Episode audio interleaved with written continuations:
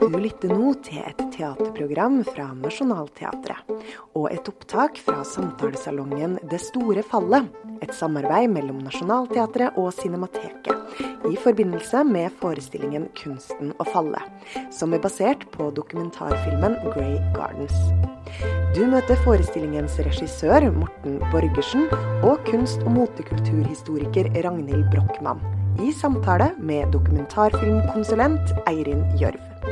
Billetter og mer informasjon om forestillinger og arrangementer finner du på nasjonalteatret.no. God fornøyelse.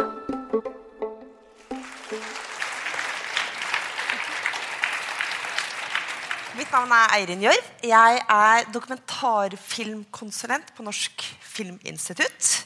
Jeg sitter her sammen med Ragnhild Brochmann, som er kunst- og motekulturhistoriker. Og Morten, som er regissør av stykket som flere av dere sikkert skal se nå med en gang etterpå. Jeg har lyst til å begynne med å snakke om hva kan det ha seg? Hvordan kan det ha seg? Her sitter vi en ganske full sal på en mandag med veldig mange som skal opp og se et teaterstykke som er inspirert av en dokumentarfilm som hadde premiere i 1976. Det syns jeg er kult, da, som dokumentarfilmkonsulent. Hva tror du, Ragnhild? Nei, jeg tror at det handler veldig mye om at den historien som dere skal opp og se, eller som dere kanskje har sett uh, som dokumentarfilm tidligere, den er jo så utrolig at en uh, god filmskaper med respekt for seg selv aldri ville laget den. De ville tenkt at uh, det blir for dumt, disse to mor og datter, dette huset, alle disse vaskebjørnene i taket. Nei, det kan vi ikke lage. Eh, og så kommer det jo noen som finner den historien, og det er noen karakterer som nærmest venter på å bli funnet.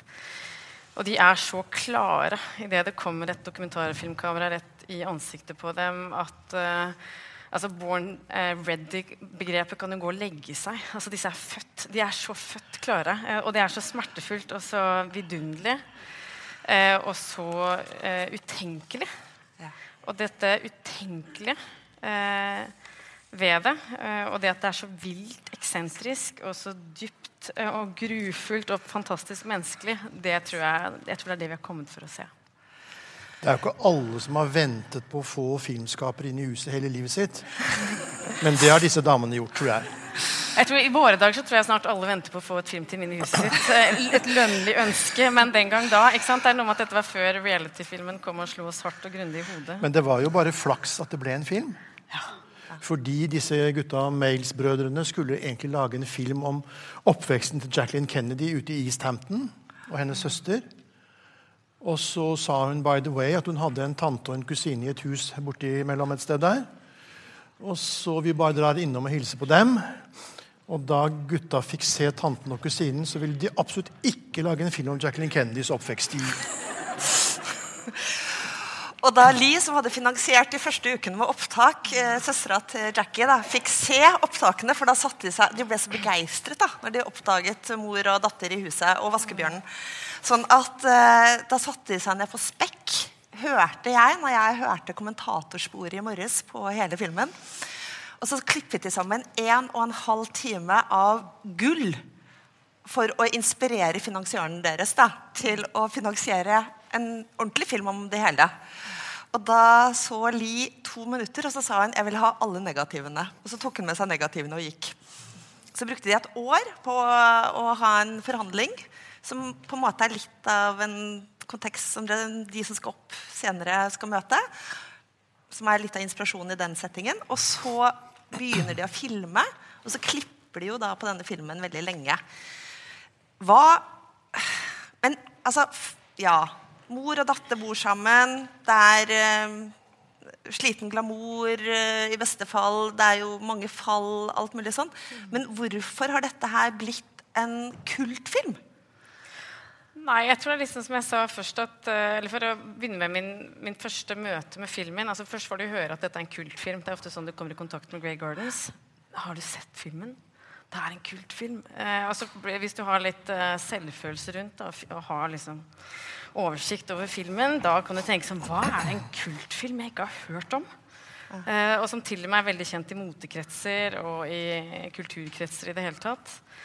Eh, og når du ser den filmen, så får du en, først, fall jeg fikk det, en veldig sterk følelse av eh, hvor har jeg sett disse før?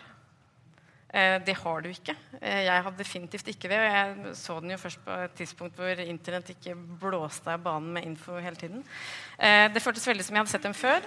Det føles som å komme til en verden som er som å komme hjem. Det er det definitivt ikke.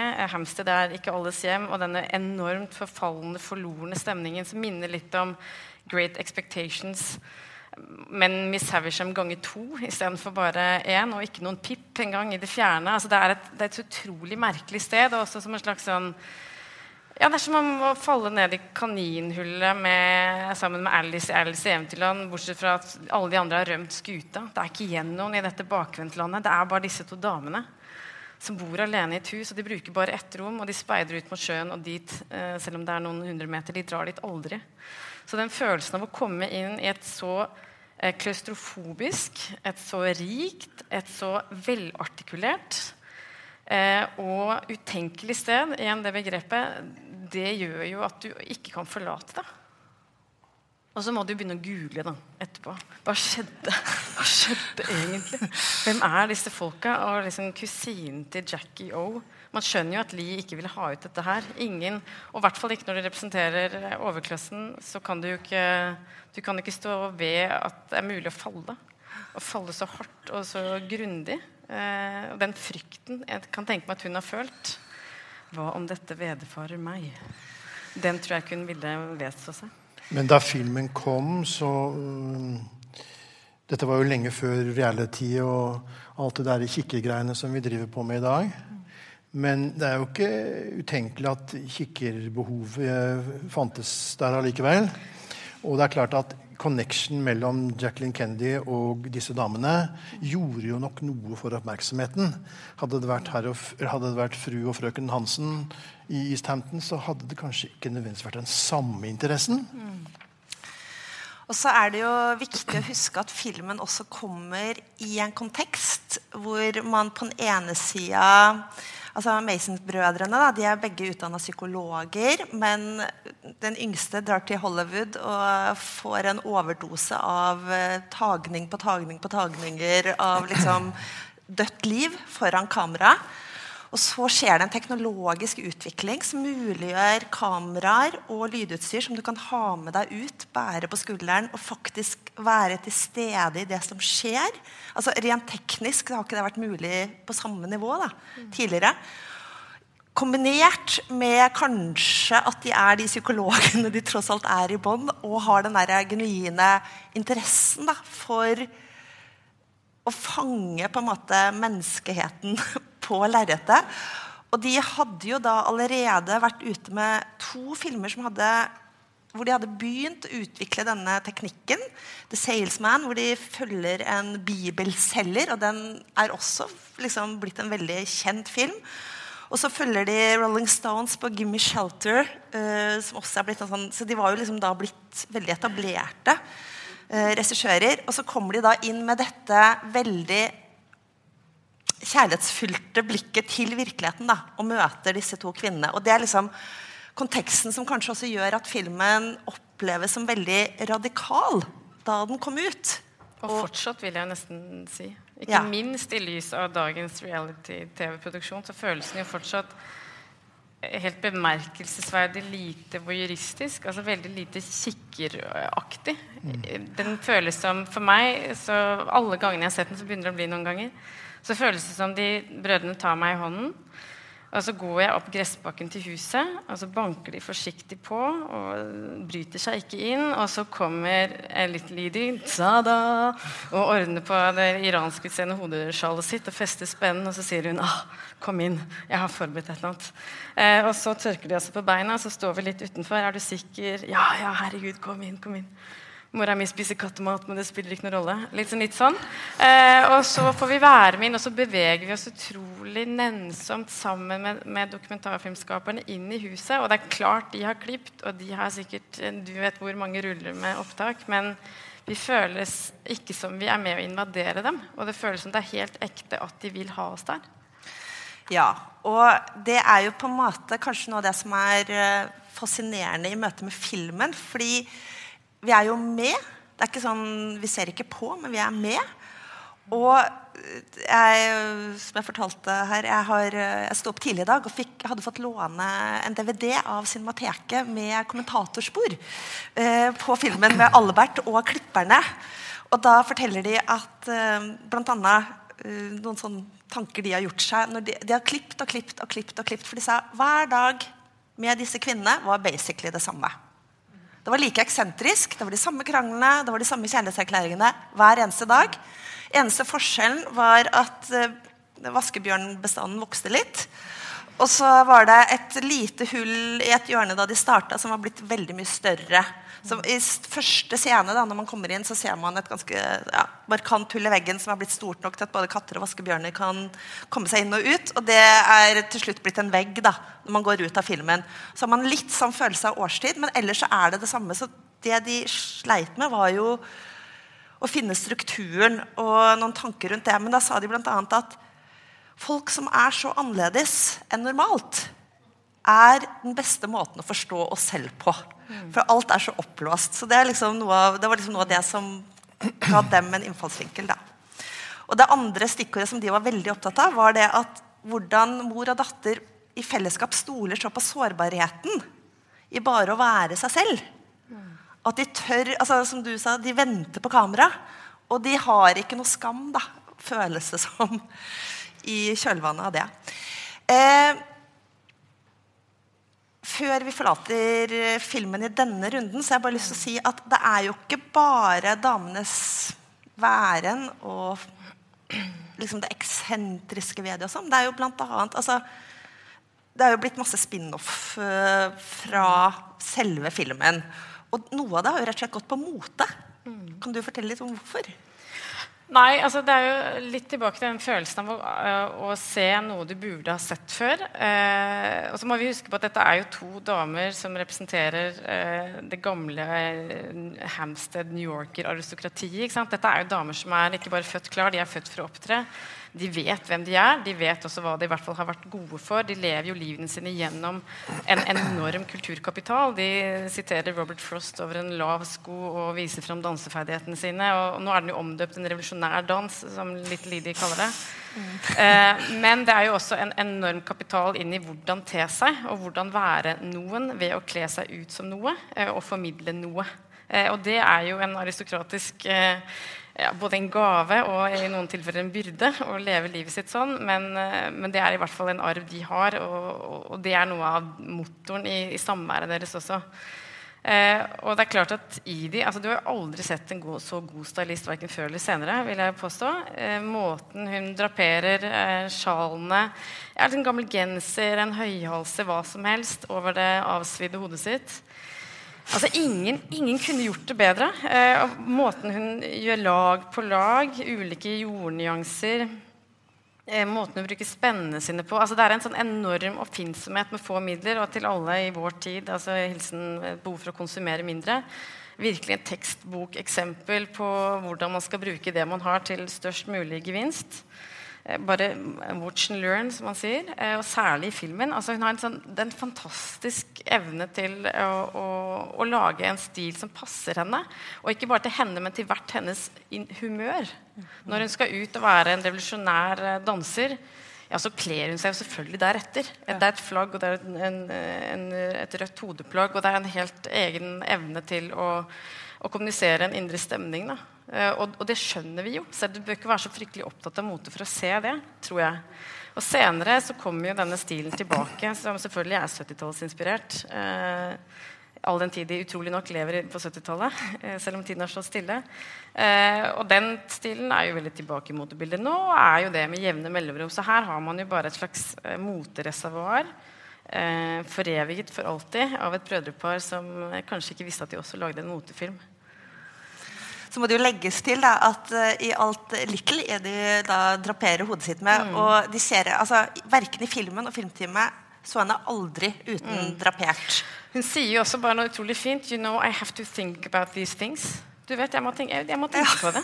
Eh, Sånn er det å tilhøre min klasse. Altså, sånn, hun har fått høre livet. Du må se sånn ut, du er en modell. Du skal bli noen ting, og det handler om hvor pen du er, hvor lite du spiser. alt det der. Eh, så hun vet jo det. Det er disse tingene man må tenke på. Og så kan man jo tenke at det er godt man har disse tingene å tenke på utrolig nok eh, inni denne eh, liksom klaustrofobe verden. Fordi, og, og det er også gledesfylt. Dette er ikke en, eh, en tragisk eh, Dette er ikke på noen måte bare en tragisk fortelling. Det er jo å stikke sugerøret nett, rett ned til selvoppholdelsesdriften. Det Ja. er derfor dette er så sterkt.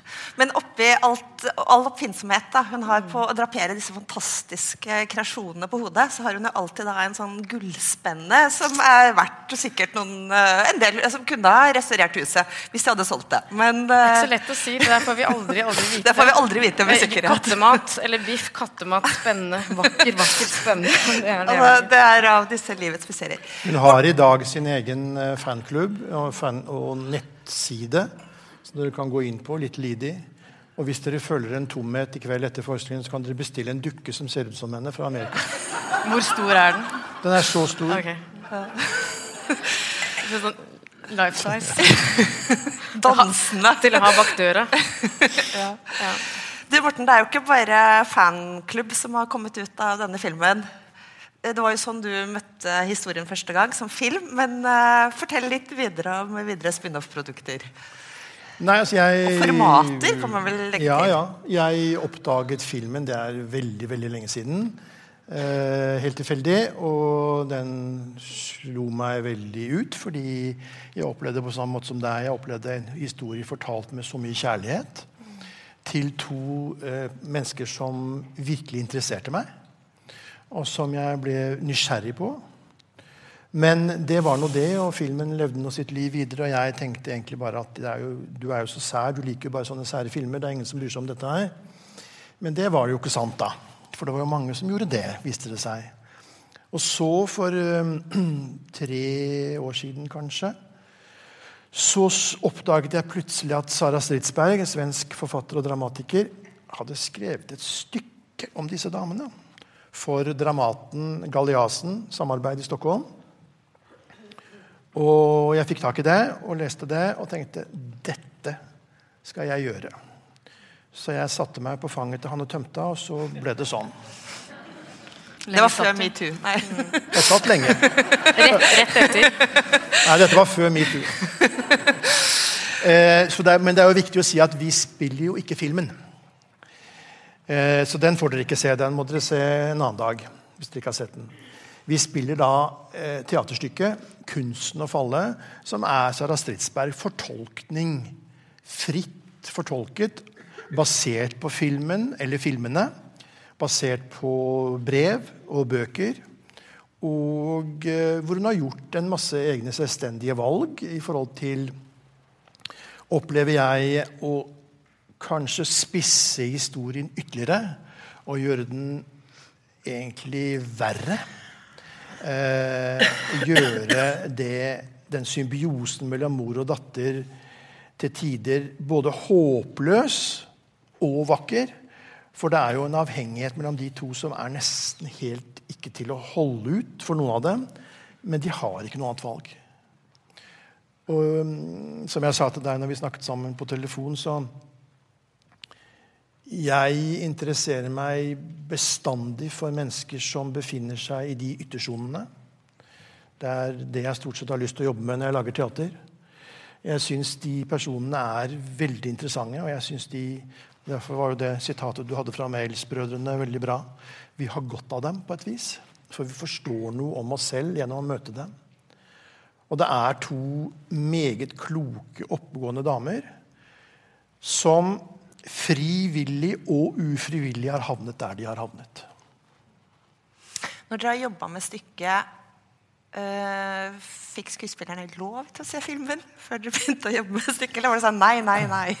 Ja, de fikk lov. Og, og da jeg ringte til Kari Simonsen et år på forhånd, tror jeg, og sa, jeg begynte å si Jeg lurer på om du har lyst Den har jeg sett! Ikke overraskende. Den vil jeg være med på. Så det hadde de. Så de visste hva det var. Og vi så dem selvfølgelig, så selvfølgelig filmen sammen. Eller begge filmene. Det er også en film som heter That Summer. Eh, men så bestemte vi oss for at nå må vi la filmene legge dem bort. og La det være det det er, og så får det være liksom mat bak i fantasien vår og assosiasjonene våre. Nå må vi liksom gå løs på Stridsbergs tekst. Hva har vært eh, mest utfordrende i å jobbe med teaterstykket, opplever du som regissør?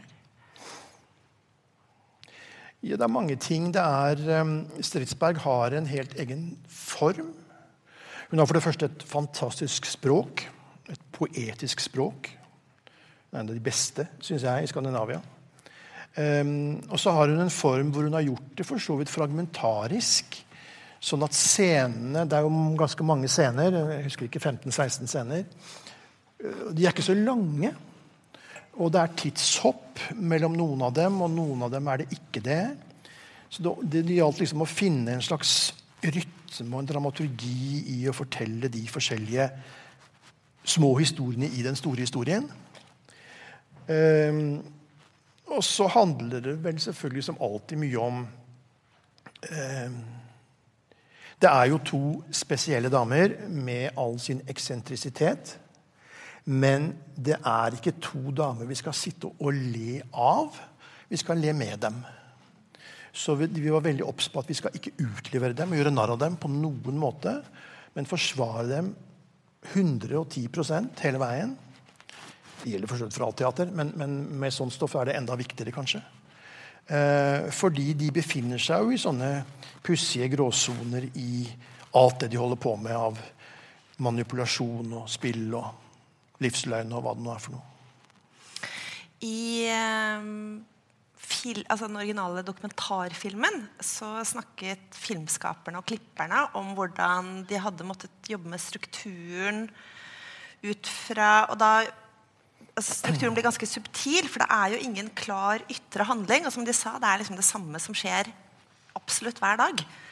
Eh, men at i filmfortellingen så bygger de den opp rundt at i starten så plasserer man på en måte Lille-Eddie som den trengende med et selvbilde av å være en ungjente som venter på å bli gift.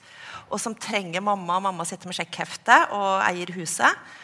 Og, så, og, og scenene bygges opp med at det er liksom Lille-Eddie som trenger Store-Eddie mer. Og så utover i filmen så snur det at på siste halvdel av filmen så er det sånn at Store-Eddie tilkaller Lille-Eddie i hver scene.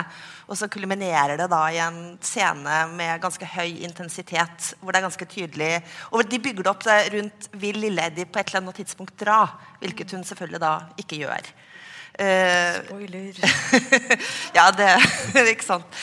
Men uh, sånn at der har de på en måte valgt en veldig ambivalens dere har jo jobbet ut fra en litt For du har jo tatt utgangspunkt i mer at det er en given at de trenger hverandre. Ja.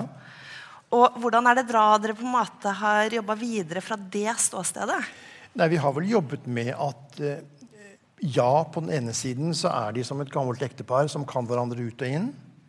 Og ja, de sier de samme tingene annenhver dag til hverandre og svarer på den samme måten. Men plutselig så snur det. Og så plutselig kommer det noe annet og det er Stridsbergs fortjeneste, tror jeg. Mm. Så skjer det noe helt nytt, og så kommer plutselig en reaksjon på en helt annen måte enn den, kommet, enn den kom dagen før. Så jeg, jeg, det, er, det, er, nok en uforutsigbarhet som hun har klart å gi dem, opplever jeg, som er bra. Men, men, det er klart at det er det statiske. De er inni dette huset, de går ikke ut. Datteren sier stadig at 'nå går jeg', 'nå skal jeg gå'. Um, og dette, derfor så, Noe av det første jeg tenkte når jeg leste Stridsberg, var jo at uh, jeg tenkte bare på Beckett. Mm. Altså Mens vi venter på Godot osv. Sluttspill. Uh, for det er så mye i det landskapet. De venter og venter og venter. Og hva er det de egentlig venter på? Venter de på at det skal skje noe? Jeg er ikke helt sikker.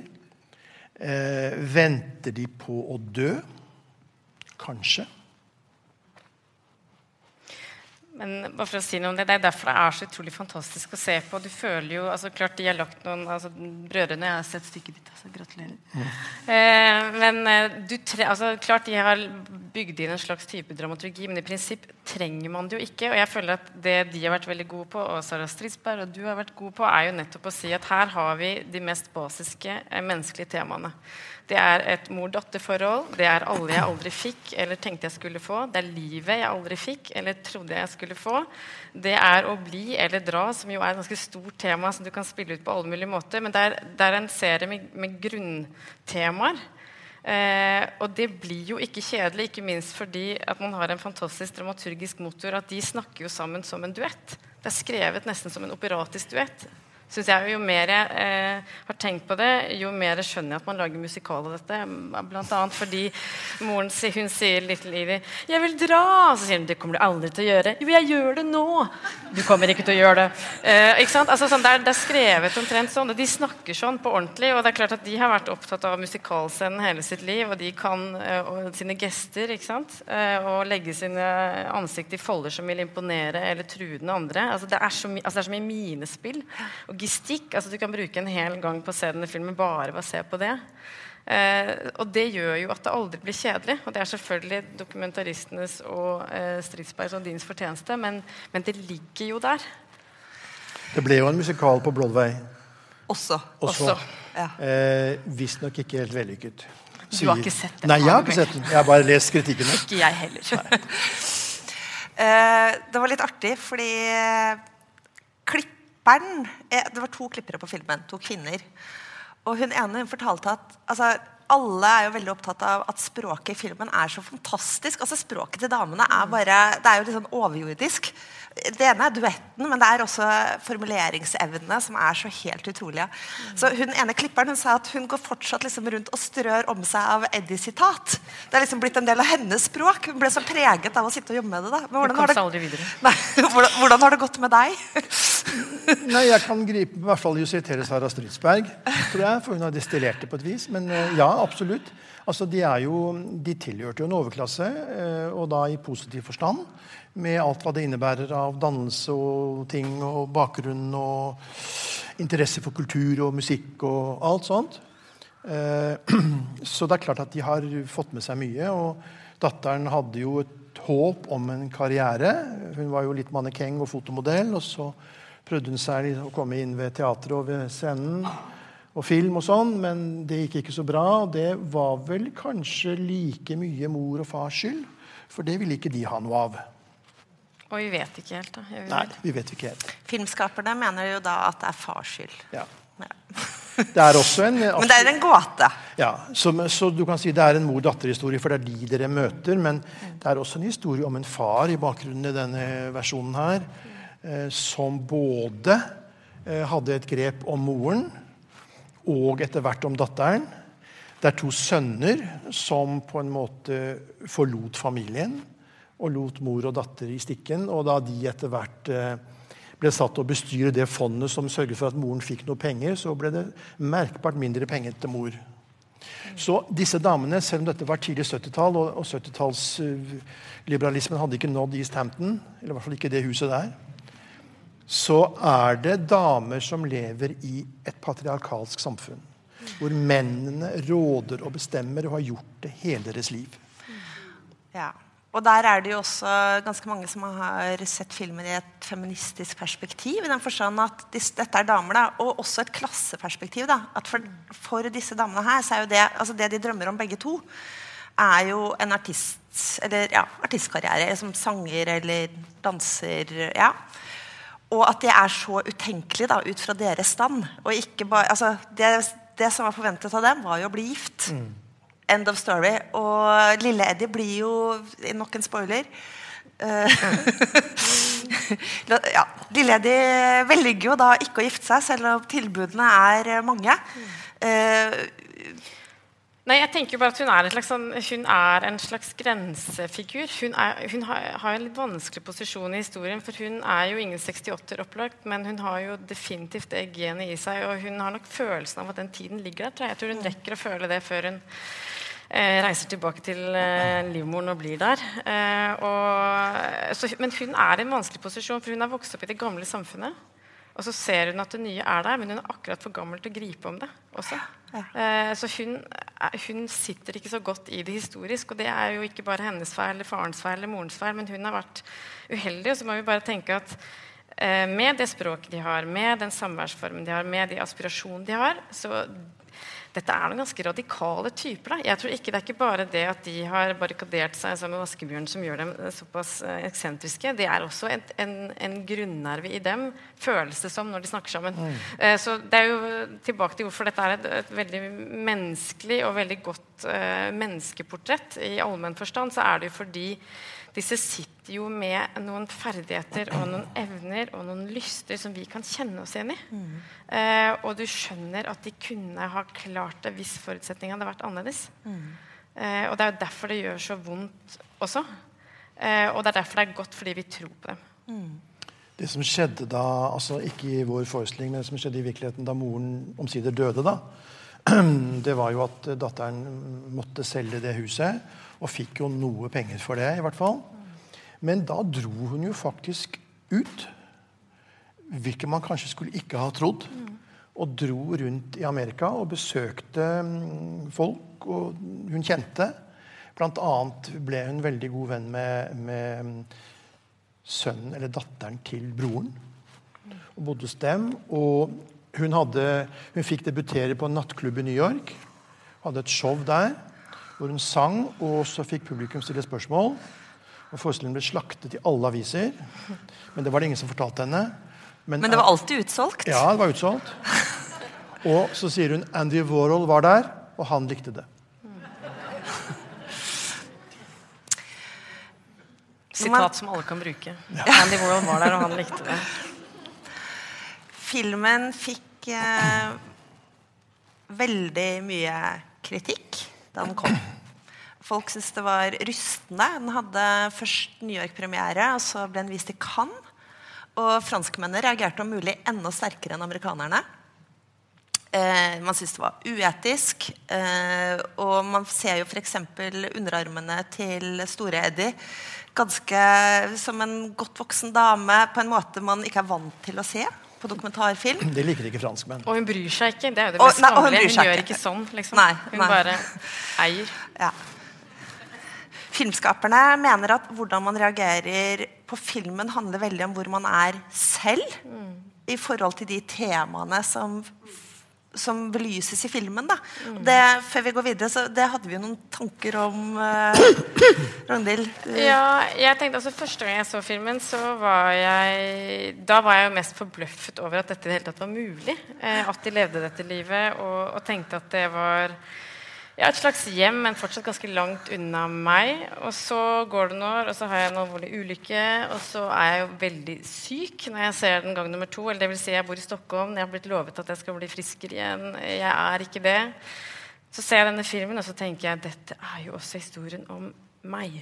Eh, ikke bare om alle mennesker, men det handler jo om eh, ikke minst om en kulturjente. da, ikke sant? Og, og der satt jeg i mitt lille i mitt bitte lille pikerom i leiligheten til Margareta von Selsing, 90 eh, år gammel, eh, min, eh, sjefen for holdt på huset hvor jeg leide, så sitter jeg i det lille jentekottet mitt og ser denne filmen, så tenker jeg at dette her det er plutselig utrolig nære meg og mitt liv. Og med en fornyet, enorm, dyp respekt over både prosjektet til dokumentaristene, men ikke minst eh, at det å leve livet sitt ikke minst når det innskrenkes til et eksistensminimum. Å fyre med det du har. Å koke suppe på den knoka du har. Eh, for meg, da, kultur. ikke sant? Eh, og, ikke sant? Jeg syntes det var vanskelig å lese. Jeg hadde skadet hodet mitt.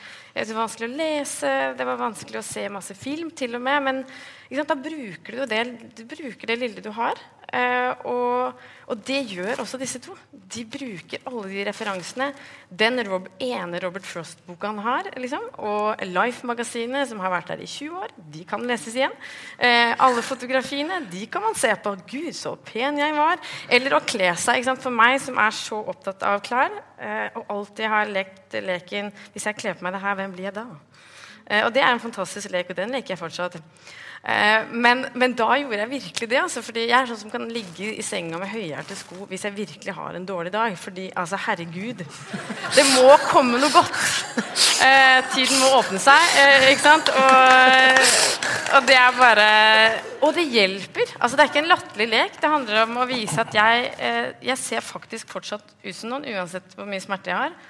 Godt tegn, tenkte jeg da. Eh, det, det, kan jeg fortsette å holde på med. Og når jeg da ser disse to damene, og særlig litt Lidi, så tenker jeg at vi er ikke så ulike. Faktisk. Eh, jeg kjenner igjen noe av dette her. Jeg drev ikke på med revolusjonærdans, men jeg kunne ha gjort det. Men det, det, er interessant det du sier. Jeg har ikke prøvd sko i sengen, men uh, Prøv det. Anbefales.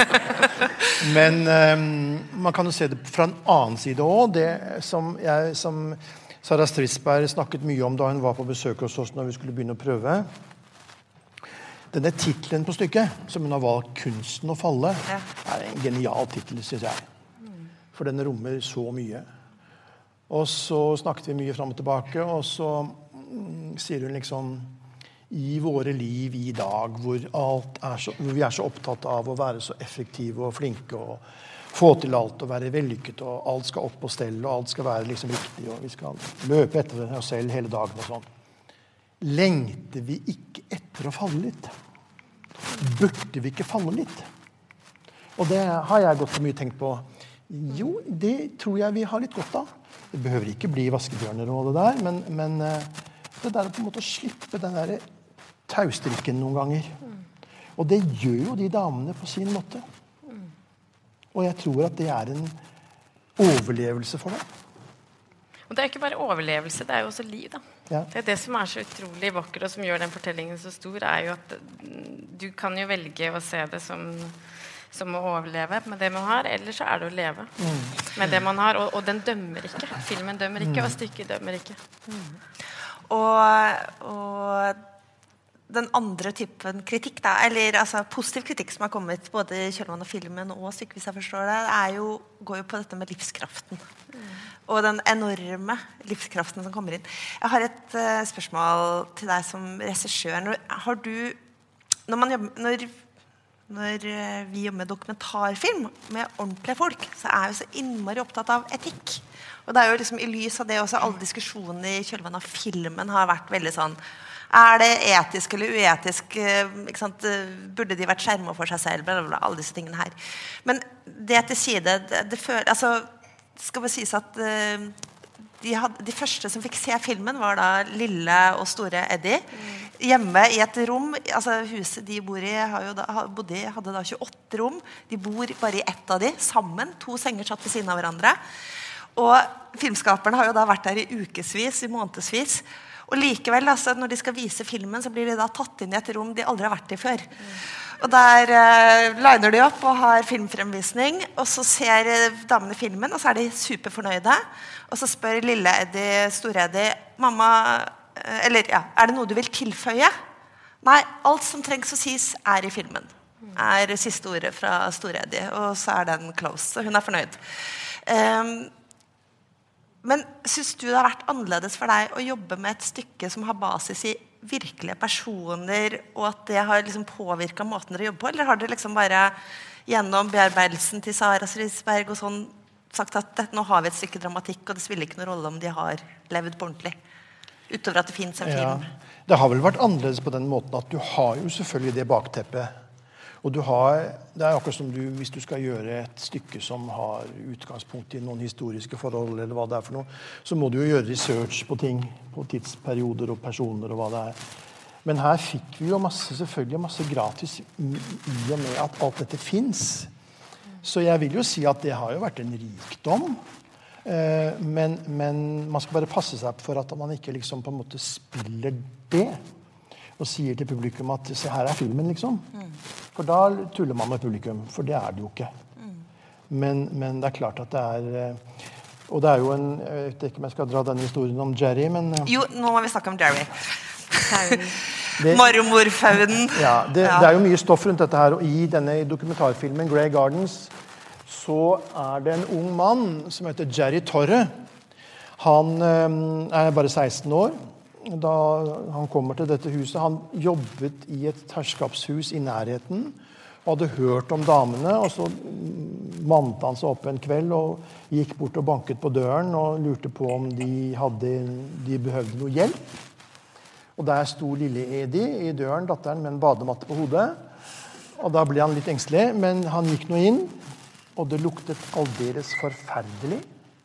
Men han fortsatte og ble kjent med moren. Og Jerry ble i huset i 16 år, nei, 6 år. Han bodde i et telt i spisestuen i seks år. Og var en slags handyman. Og så oppdaget jeg plutselig da, når jeg holdt på med denne forberedelsen, at det fantes en bok som heter 'Marmorfaunen fra Grey Gardens'. Skrevet av en mann som heter Jerry Torre. Og Denne fikk jeg tak i og leste, og det er en nylig bok. Igjen med så mye kjærlighet til disse damene. Han var riktignok engstelig for datteren, for hun skrek hele tiden 'Vil du bare ligge med meg?' Det ville han ikke. Men han ble veldig knyttet til moren. Eh, og han skiller dem med så mye varme. Og han kom fra en litt skadeskutt tilværelse med misbruk og vold og mye rart. Altså, han var blitt misbrukt. Eh, så det, det var nok en slags frihavn for han. Eh, og som sagt, da denne boken kom, og jeg leste den, og så står det en mailadresse bakerst i boken. Og jeg sender en mail, og neste dag er det mail fra Jerry i New York. Og han var altså så opphisset over dette her, og så begeistret. Han er da nå en 5-66 år, er billedhugger. Var tidligere drosjesjåfør. Han bodde i mange år sammen med en buktaler. Så han har litt av en karriere. Men i hvert fall eh, Og igjen, han, man kan si, han lever nok litt på disse damene fortsatt. Og han reiser rundt på forskjellige events og når filmen vises og hva det nå er for noe. Men eh, det viser egentlig faktisk hvor stor denne på en måte oppmerksomheten rundt disse damene fortsatt er i USA. da. Ja, og Hvis dere går inn på HBO, så ligger jo Grey Gardens der som en sånn Hollywood-produksjon med ikke bare en nåtidsfortelling, men plenty av svar på hva som skjedde i fortid. Og så videre, og så videre. Altså, denne dokumentarfilmen har jo inspirert utrolig mange format. Uh, ja, på mange steder. Eh, vi har ikke så veldig mye tid igjen, men jeg bare lurer på, er det noen som har noen spørsmål? Vi kan også si at går ja. til Cinemateket. Jo, og, så, og da er det veldig viktig for oss å si noe at eh, det som er gøy, det er altså jeg, Vi håper jo at denne samtalen har inspirert til at dere har fått lyst til å gå og se filmen i tillegg til å se stykket. Og den gode nyheten er at det er ledige billetter på Cinemateket klokka ni i kveld. Eh, små marginer med teaterstykket. Er du rask? Er du rask? Og det er også klokka åtte på søndag. I morgen er det utsolgt, men klokka åtte på søndag er det også mulig å se den. Jeg anbefaler også veldig å kjøpe DVD-en eller låne den på Deichmanske, fordi det er en nydelig liten eh, bok ja. i heftet for den som har lyst til å se enda flere bilder og lese. Ja. Og, og til alle vennene dere som ikke har sett det, så kan dere sier at forestillingen her spilles helt til nyttårsaften. Og, det, og det er også ledige For den var utsolgt i vår, men det er, le, det er, noen ledige billetter igjen både i november og desember. Så det er liksom muligheter for å følge fortellingen om Store og lille Eddie på flere formater nå. I flere kulturbygninger i Oslo i løpet av høsten. Eller sette den opp hjemme. Eller sette den opp hjemme. Det er jo også et alternativ. Ja. Den siste liksom, tanken når du lukker øynene og tenker på disse to Nei eh, Jeg tror jeg har lyst til å gå til det største av alle ordene. Jeg, jeg tenker på kjærlighet. Ja. Det er så rørende. ja, men det er helt sant. Og jeg er jo så lettrørt person. da. Altså, Herregud, jeg er så lettrørt. Men det er sånn, når jeg tenker på de to eh, de, har, de, må leve sammen. Ja, men de må jo heller ikke det. ikke sant? Altså, De har jo også valgt dette. Eh, og den der, eh, altså, Hvor mange har en symbioseryte her i livet? Det er klart det er vanskelig liv, men, eh, men det der med å leve så sammenfiltret inn i noen, det er jo bare så sterkt. Så det siste ordet er 'gå ut i verden' eh, og til stykket med kjærlighet. Ikke døm hverandre for hardt. Greier du å toppe den, Morten? Nei, jeg tror jeg er helt enig i det. Ja. Tusen takk for oss, og takk for at dere kom.